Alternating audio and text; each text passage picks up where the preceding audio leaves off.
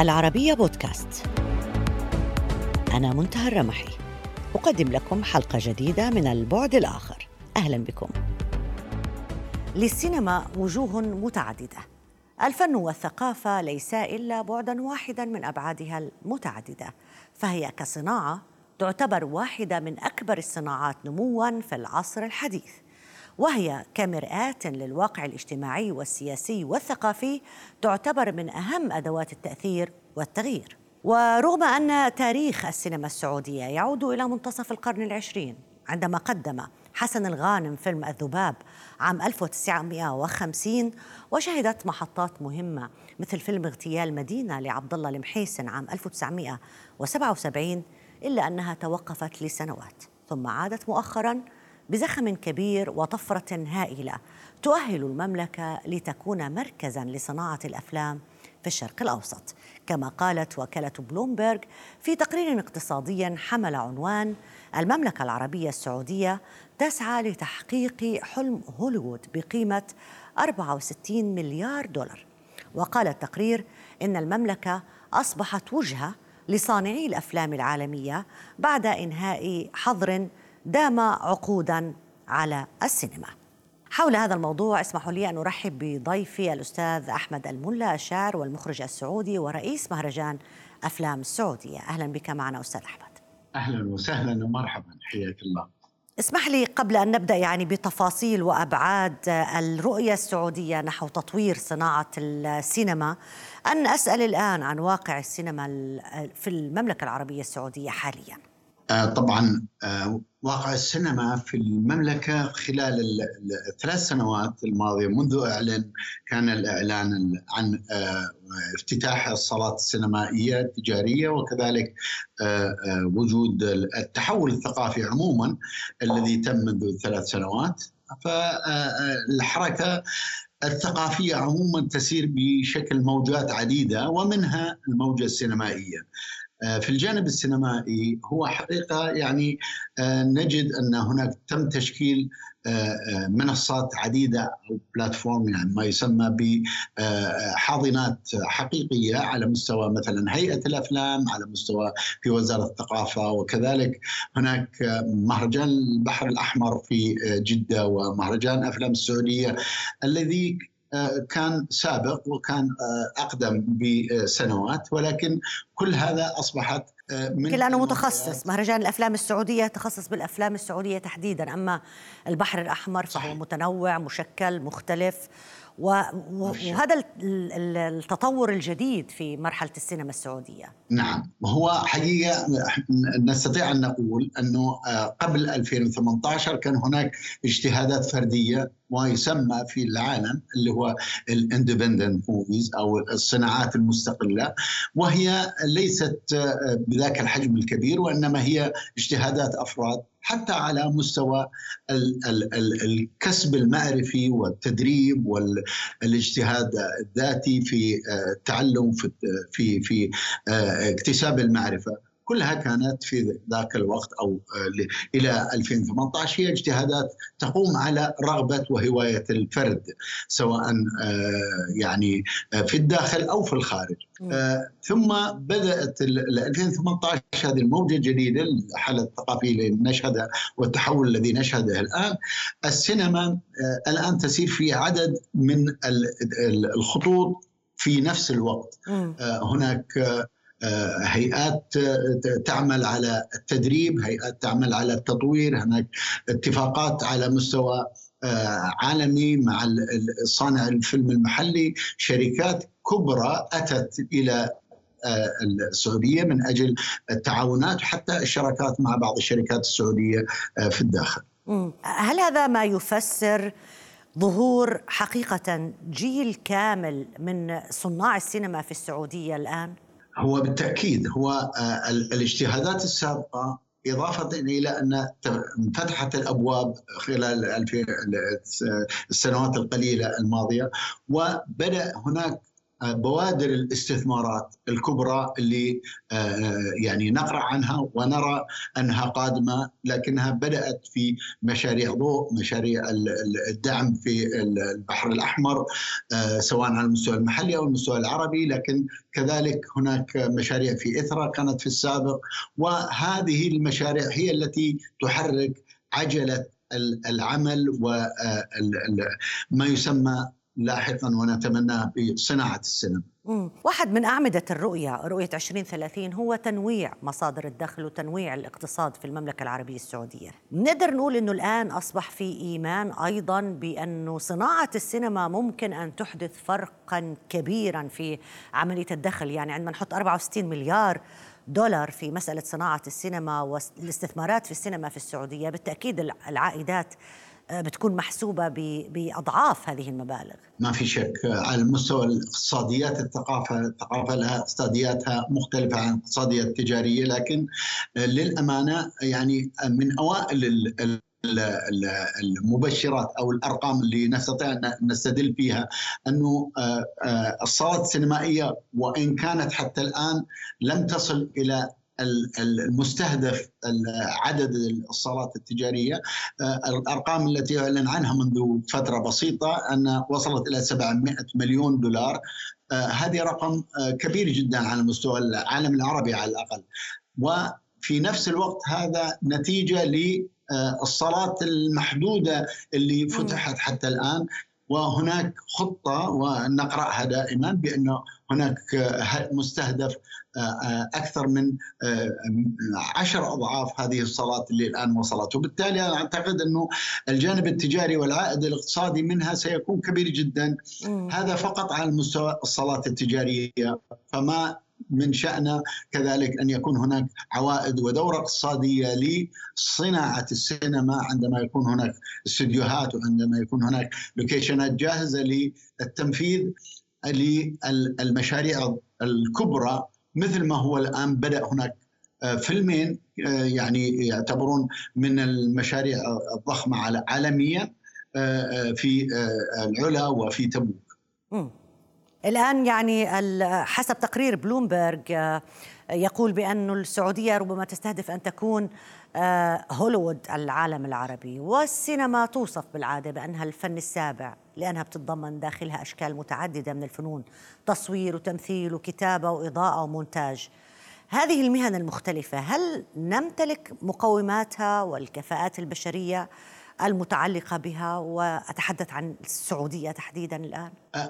في نفس الحديث اللي نتحدثه الآن هو ما تحدثنا منذ قليل عن الخطوط المتوازية للعمل لهذه الانتقالة لهذه الموجة. آه، الخطوط المتوازية مثلا آه، وزارة الثقافة أعلنت عن جمعيات الأفلام، جمعيات الأفلام المهنية والتي تعتبر بما هو نقابة لتنظيم المهنة والعمل، وهذا شيء ضروري لحماية المهنة والعاملين فيها، وهذا شيء جديد لم يحدث من قبل، إضافة إلى أن هناك يعني كما نقرأ الآن إن هناك عدد من المنظمات والمدارس والكليات والجانب الأكاديمي الآن ينشط. وزارة الثقافة أعلنت عن ابتعاث عدد كبير من في مجال التخصص السينمائي إضافة إلى من هو موجود الآن على الأرض ويعمل ضمن مشاريع كثيرة على سواء على مستوى الدراما في الخليج والعالم العربي وكذلك على مستوى آه، السينما. هناك نعم لكنها تحتاج إلى حالة نمو وتطوير. هذه صناعة تحتاج آه، مقومات عديدة اولها هي التشريعات والتنظيمات والقوانين التي تحمي وتدعم وتطور. الآن إحنا نتحدث عن ليفل آخر في موضوع صناعة السينما في السعودية. في آه، محاولات سعودية لجذب آه، التصوير في المملكة العربية السعودية وهذا موجود في المغرب موجود في الأردن موجود في الإمارات العربية المتحدة. هل السعودية تمتلك مقومات استقطاب السينما العالمية للتصوير داخل المملكة العربية السعودية خاصة بعد كل هذه الإعلانات والصور التي رأيناها عن صحراء السعودية عن العلا تحديدا. آه، الإرادة عندما تكون موجودة آه، كثير من الأشياء تتسهل والدليل على هذا أن بمجرد آه، كانت هذه الإرادة موجودة خاصة في موضوع السينما نجد أن هناك قفزة خلال الثلاث سنوات الأخيرة وهي في العمر المعتاد أو الاعتيادي هذه تحتاج إلى عشر سنوات لا يقل عن 15 سنة حتى مم. تحقق ما حققتها الثلاث سنوات هذه في السعودية، لكن فعلا هناك إرادة عالية جدا وهناك مقومات وهناك تسريع لعملية التحول. هذا التسريع حتى على المستوى الإلكتروني الاحتياجات التشريعية والقوانين هناك تسريع في آه، آه، وتسهيلات آه، كبرى. بالتأكيد هناك آه، هذه تجارب الآن موجودة في العلا وفي تبوك آه، فيلمين آه، يعني إنتاج ضخم جدا هوليوودي مثل ما يقال عنه ومتاكد وإحنا نسمع عن أن هناك اطمئنان في عملية العملية في التنفيذ. أعتقد أنه كثير من دول العالم لديها هذه هذا التشجيع الاستثمار في داخل بلادها. آه، السعودية مؤهلة لأن هذا الاستثمار يكون آه، بشكل كبير جدا. البحر موجود الصحراء المدينة في أحدث أشكالها. التنظيمات والتسهيلات والعنصر البشري موجود. ثم أن وجود المملكة في قلب المنطقة على مستوى أو قلب العالم، إحنا نستطيع بسهولة يكون اتصالنا بأفريقيا بآسيا بأوروبا. بمشاوير عديدة ولسنا في أقصى منطقة أو في على طرف العالم. هذه التسهيلات واللوجستيك هذا كله يساعد ويشجع المستثمر، المستثمر يريد أن يضمن ويطمئن للمنتج وكذلك يجد تسهيلات آه، وأن خططها الإبداعية والإقتصادية آه، تكون عليه بعائد جيد. وهذا ما نراه ونشهده الآن من آه هذه التوجهات. والرقم الذي طرح عندما يقول 64 مليار دولار يعني هذا رقم على مستوى العالم يعني آه، آه، ليس فقط مشجعا وإنما مغري اغراء صحيح. كبير جدا. خاصة عندما نعرف أن آه، يعني قبل خمس سنوات السينما في العالم في حالة هدوء إذا لم نقل إنها نزول تراجع. يعني خاصة مع هلا كورونا عمل أزمة كبيرة. صحيح. المنصات الجديدة. صحيح. وكورونا عمل أزمة كبيرة في موضوع الإنتاج الهوليوودي الهوليوود هوليوودي وكذلك المنصات اللي أشرت لها حضرتك. نعم. طيب هنا هون يمكن لازم أسألك عن عن إذا كان هناك آه، آه، رؤية أنه السينما السعودية ممكن تكون في موقع منافسة مع السينما الخليجية أو السينما العربية الأخرى. أم أنه يعني الرغبة بأن تكون متكاملة معها وليس منافسة لها؟ يعني من مشاهدتي واستماعي وقربي من بعض من المشهد. لم يكن هناك الرغبة في المنافسة آه، آه، لطرف. القصد هو منافسة للفكرة التي تحلم فيها آه، رؤية 2030 والدليل على هذا كثير من الأهداف التي وضعت تم تجاوزها حتى يعني خلال الآن آه، مرور من بداية إعلان خطة 2030 تم تجاوز كثير من التارجتس الأهداف التي آه، أعلن عنها إنها تمشي في آه، خط تصاعدي. يعني من أكبر الأدلة على إنه المسألة متكاملة وليست متنافسة مثلا مشروع التمويل للبحر الأحمر. هو يشجع الفيلم السعودي والفيلم العربي والأفلام من شمال أفريقيا والأفلام من العالم. صحيح. وهناك سوق الإنتاج وهناك اللوج وهناك الدعم يعطى للفيلم الأفضل أو للمشروع الأفضل وليس بالضرورة. وإن كان يخص جزء منه للفيلم السعودي لكن كذلك هو منفتح على, على آه، تشجيع آه، الصناعات آه، السينمائية في عدد من الدول العربية وشمال أفريقيا هذا صحيح. هذا يعني واضح إنه الخطة تسعى في اتساع وليس و يعني تعاون وليس تنافس. صناعة السينما كما أشرنا قبل قليل أستاذ أحمد ليست صناعة ثقافية أو فنية بحتة وإنما صناعة اقتصادية أيضا. لكن هل يمكننا أن أسأل إذا كنت تؤمن فعلا بأن السينما تقود التغيير خاصة وأنه في الآن حراك مجتمعي مختلف في السعودية بالإضافة للحراك الاقتصادي المختلف في السعودية. بالتأكيد الفنون البصرية عموما آه، يعني والجوانب الإبداعية بشكل آه، عام وخاص منها الفنون البصرية آه، هي مؤثرة وهي كما يقال عنها القوة الناعمة وهي حقيقة الآن على سنامها السينما. لأنه الفيلم ينتقل أكثر من اللوحة التشكيلية ينتقل أكثر من الأغنية ينتقل أكثر. ويضم في داخل السينما تضم في داخلها كل المجالات والأشكال الإبداعية الثقافية والفنية، الشعر موجود في السينما. صحيح يعني قصدي أنا إحنا بنقفز عن إنه نكون السينما هي مرآة لانعكاس تعكس الواقع فقط وربما قد تكون سبيل لتغيير هذا الواقع إذا أردنا ذلك. بالتأكيد والتغيير عادة لا يكون آه، بشيء آه، فوقي وإنما بشيء عميق داخلي. وهنا يأتي دور الفن، الفن هو الذي يغير بطريقة ناعمة وبطريقة عميقة ومؤثرة ووجدانية، هذا التغيير الذي يطلبه الإنسان وليس بأن يكون هناك التغيير بشكل قرارات أو أو يعني توجيهات يعني زاجره الفن يصنع التغيير من العمق من القلب ويكون تأثيره أكثر رسوخا.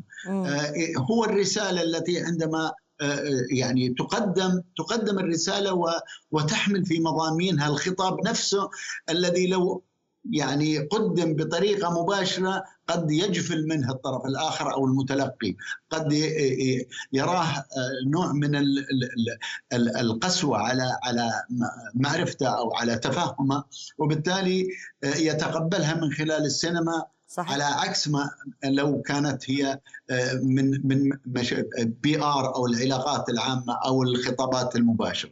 الفنون هي أهم أنواع القوة الناعمة آه، بعد الإعلام أتصور يعني أستاذ أحمد الملا الشاعر والمخرج السعودي ورئيس مهرجان أفلام السعودية. ألف شكر لك على المشاركة معنا. شكرا جزيلا. منذ فجر اختراع السينما قام الأخوان لوميير بتصوير أول الأفلام السينمائية عام 1895 في مصر ومنطقة المشرق العربي. ومع تطور السينما العالمية أصبحت مناطق معينة في المغرب والأردن وتونس ومصر مشهورة كمواقع للتصوير في الأفلام التي تتطلب أجواء صحراوية أو بيئة اجتماعية وأثرية معينة. ثم دخلت دبي والآن السعودية إلى لائحة مواقع التصوير السينمائي العالمية.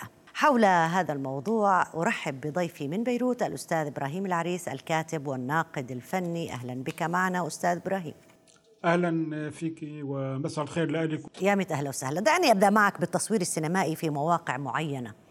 هل نتعامل معه كحدث فني أم أنه أيضا حدث اقتصادي حدث ثقافي ويمكن يكون سياسي كمان؟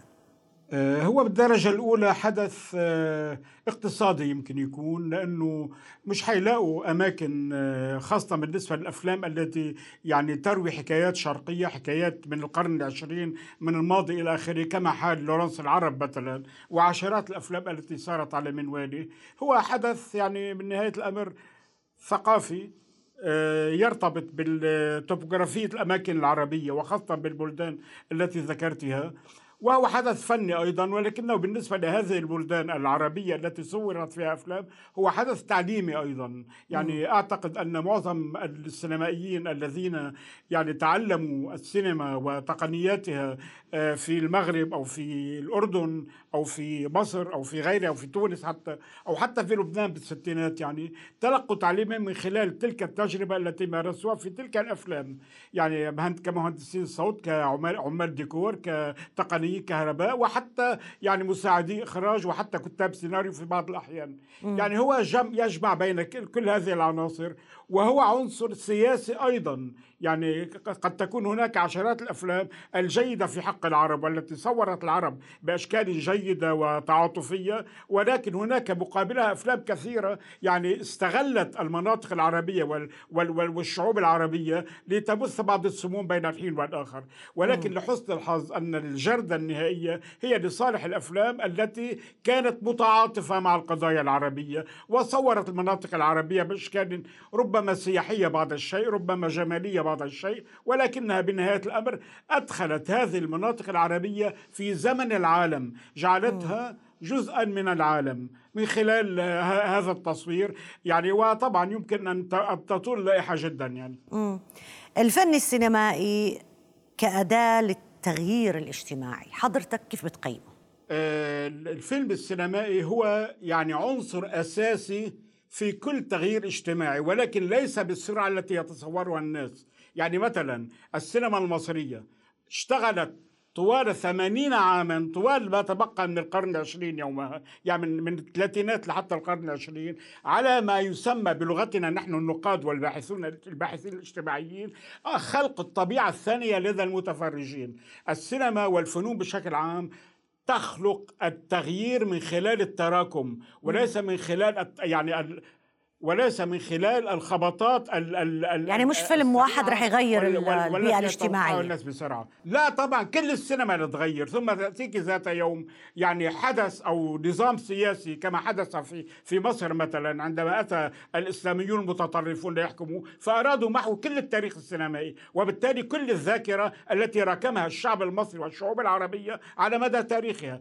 يعني ولكن بالنسبة للسينما أنا أعتقد هي هي أداة أساسية للتغيير البطيء على مستوى خلق الوعي. يعني فلنأخذ مثلا السينما المصرية وما شابهها, شابهها بعد ذلك من سينمات عربية كيف تعاملت مع 10 أو 12 مسألة أساسية في العالم العربي؟ العائلة الحب المال الزواج الجنس يعني كل هذه الأمور الفقر الغنى الطبقية. وغالبا لا أقول دائما طبعا مع كل كل هذه الأمور من منطلق تقدمي من منطلق يدفع المجتمع إلى الأمام. وأعتقد أننا يعني اليوم إذا كنا نحب نحب على طريقة أفلام آه، آه، التي مثلها عبد الحليم حافظ أو فاتن حمامه إلى آخره. أبيض وأسود تغيرنا كثيرا ولكن في المدن للأسف حتى اليوم في المدن التغير كان في المدن ولدى الطبقات المتوسطة البرجوازيات الصغيرة التي هي الجمهور الطبيعي والمتقدم للسينما آه، التي كانت تعرض أفلامها في الصالات وتحدث ذلك الفرجة تلك الفرجة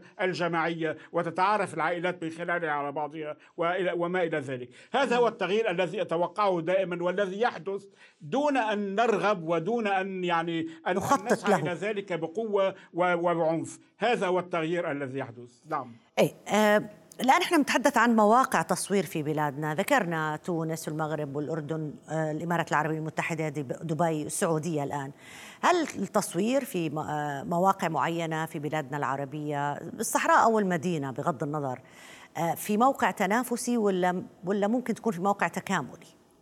هلا قد يكون تنافسي وقد يكون تكاملي لكن أنا قبل أن أهتم بهذا الموضوع أهتم بأن أرى صورة المجتمع السعودي من خلال أفلام سعودية. يعني فلنتعظ بالتجربة الخليجية الثلاث التجارب الخليجية الثلاثة التي سبقت آه، البحر الأحمر والتي آمل ألا ينتهي البحر الأحمر آه، شبيها بها. تجربة دبي تجربة آه، أبو ظبي وتجربة الدوحة. خلقوا مهرجانات كانت طموحة جدا كانت رائعة جدا كانت سخية جدا ولكن هذه المهرجانات لم تتمكن من أن تخلق حراك سينمائي حقيقي في البلد. ما آمله اليوم من هذا المهرجان السعودي الذي ينضوي وهذا هو يعني قيمته الكبرى ينضوي ضمن رؤية تغييرية في المجتمع السعودي ككل بطيئة وهادئة وناعمة تريد أن تحدث في المجتمع خلال سنوات قليلة ما حدث في مجتمعات أخرى خلال عشرات السنين وربما أكثر. هذا أمر مشروع جدا وحان الوقت للبدء فيه. ولكني أريد الآن وبالإضافة إلى كون السينما هي سينما يعني مدرة اقتصاديا ومفيدة على كل الصعد أريد منها أن تقدم لي وللعالم أجمع صورة عن السعودية مغايرة للصورة التي إذا أستاذ إبراهيم أنت أنت هون بتميز بشكل كبير يعني أو بتدعو للتمييز ما بين أن تكون السعودية أو المغرب أو الأردن أو غيرها ساحة لتصوير أفلام هوليوودية يعني بحيث يكون الموقع هو الأهم من بين أن آه، مع أن يكون هناك إنتاج سينمائي فني لذاك البلد الذي يستضيف. أعتقد أن المسألتين تتكاملان بقوة شديدة. ولا ولا أحب أن أفصل بين المسألتين. أيوه. وربما الفشل الأكبر الذي حصدته مهرجانات دبي وأبو ظبي والدوحة للأسف الشديد هو انها لم تخلق نتاجات سينمائية حقيقية في هذه البلدان. ما ينتج اليوم في هذه البلدان الثلاثة والتي تشكر دائما لدعمها سينمات عربية أكثر من دعمها للسينمات المحلية يعني أنا أعتقد اليوم بل أرى والمعلومات تقول هذا أن معظم الأفلام السينمائية العربية الجيدة التي حققت حتى في بلدان عريقة سينمائيا كالمغرب وكمصر وفلسطين أيضا مولت من قبل هذه المهرجانات الثلاثة. ولكن في الوقت نفسه لم تتمكن هذه المهرجانات من أن تخلق حالة سينمائية حقيقية ومخرجين أسماء سينمائيين يعني ينافسون ينافسون آه، زملائهم العرب وغير العرب في العالم لم تتمكن من خلق هذا الأمر. وهذا وامل اليوم وامل اليوم أن يتواكب تصوير أفلام في السعودية وهو أمر مشروع وجيد وسيخلق حالة تعليمية أيضا صحيح. وسيفتح المجتمع السعودي على العالم أكثر وأكثر. وهذا الأمر في منتهى الأهمية بالنسبة إلي. وربما يكون له مردودات اقتصادية ربما لست أدري يعني لست ضليعا في علم الاقتصاد يعني. ولكن أعتقد أننا لو لو واكبنا هذا مع إنتاج أفلام سعودية سعودية حقيقية يعني بمعنى تنهل من الأدب السعودي القصصي والروائي ومن الفن التشكيلي السعودي هو موجود وبكثرة. عدد هائل من سعودي. الهواء الهائل الأعداد موجودة المبدعين موجودين القوى البشرية موجودة وحتى المخرجين سأقول لك موجودين بكثرة. أنا أراقب منذ 10 أو 15 سنة ما يحدث في السعودية على صعيد الشبان الذين يتطلعون و و ونعرف أن السعودية من أكثر البلدان استهلاكا للسينما وللأفلام في العالم. أعتقد أن في كل بيت سعودي اليوم مكتبة سينمائية متكاملة لأفلام عربية وعالمية. ولكن أعتقد أن هؤلاء الشبان ينتظرون فرصهم. مشكلتهم مشكلتهم الكبرى أنهم لا يتوجهون بأنظارهم صوب صوف الادب صوب الأدب السعودي الروايات السعودية. روايات تركي تركي الحمد روايات محمد علوان روايات عبد العزيز البشري وكثير من الروايات السعودية وغيرها التي يمكن ورجاء عالم طبعا يمكن أن تشكل نواة لسينما اجتماعية سعودية تطلع العالم على حقيقة هذا البلد الذي لا يعرفون عنه إلا النفط والإرهاب بالماضي والحمد لله نتخلص منه اليوم وكونه بلد غني وإلى آخره. ولكن السعودية مجتمع بحاجة لأن يكتشف بالنسبة للعلال أنا شخصيا كعربي أعرف السعودية قشورا يعني زرتها عدة مرات وأعرفها عن قريب بعض الشيء. أتطلع لأن أدخل البيوت السعودية لأن أدخل الحياة الاجتماعية السعودية لأن أرى ما الذي يجعل سعوديا سينمائيا أو يتوق يحقق أفلام سينمائية. ما الذي يجعله كاتبا؟ ما الذي يجعله تاجرا ما الذي يجعله يعني آه، لست أدري. هذا الجانب أتمنى أن تأتي أفلام سعودية يختلط مبدعوها بالسعوديين الآخرين الذين سبقوهم في مجال الإبداعات الأخرى. ويتوحد هذا العمل كله لأن السينما لا تقوم وكما تفضلت بالمقدمة التي قلتها لا تقوم إلا من خلال احتكاكها بالفنون أخرى. يعني الرسام صحيح. له دور والموسيقي له دور وعالم الاجتماع له دور والعالم النفسي له دور والأديب خاصة له دور والمسرحي له دور. وكل هؤلاء موجودون بكثرة في السعودية وربما هذا الشيء يجب أن نعرفه أخيرا ويجب أن يعرفه جميع الناس. أستاذ إبراهيم العريس الكاتب والناقد الفني ضيفي من بيروت. ألف شكر لك على المشاركة معنا. شكرا جزيلا. إلى هنا انتهت حلقة اليوم من البعد الآخر. يمكنكم دائما متابعتنا على مواقع التواصل الاجتماعي تويتر فيسبوك ويوتيوب. إلى اللقاء.